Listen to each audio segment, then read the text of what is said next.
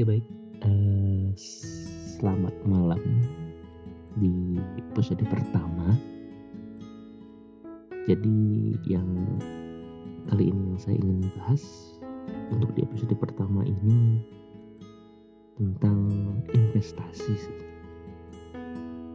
Seringkali salah satu keinginan kita di dalam suatu kehidupan ya tentunya ada cinta karir. Jadi kita akan coba dulu untuk berbicara sih tentang investasi. Jadi ada beberapa artikel sih yang pernah saya baca. Jika kita dihadapkan dengan salah satu orang terkaya dunia, misalnya Bill Gates atau Warren Buffett, dan diminta mengajukan satu pertanyaan. Maka pertanyaan yang pasti muncul adalah bagaimana cara agar bisa menjadi kaya. Menarik bukan? Orang-orang kaya ini pasti memiliki prinsip dalam berbisnis sehingga mereka bisa lebih sukses dari orang lain. Bahkan, saking pintarnya mereka mengolah kekayaan. Banyak pendapat yang meyakini jika uang di seluruh dunia ini dibagi rata, maka dalam beberapa tahun kemudian uang tersebut akan kembali lagi ke mereka.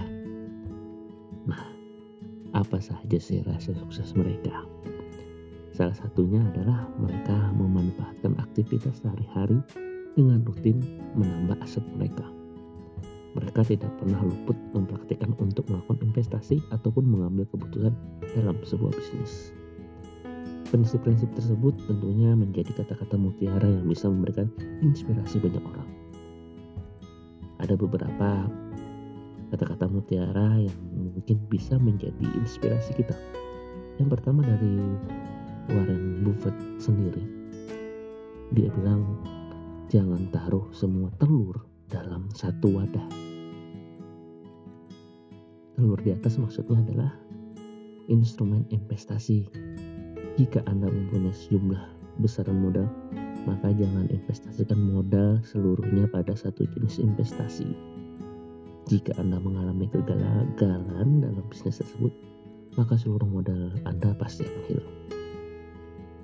Dan ada juga sih yang mengatakan bahwa perhatikan fakta yang tidak bisa diprediksikan yang diucapkan oleh Peter Lynch Jangan terlena dengan terlalu banyak spekulasi yang berada di pasar modal.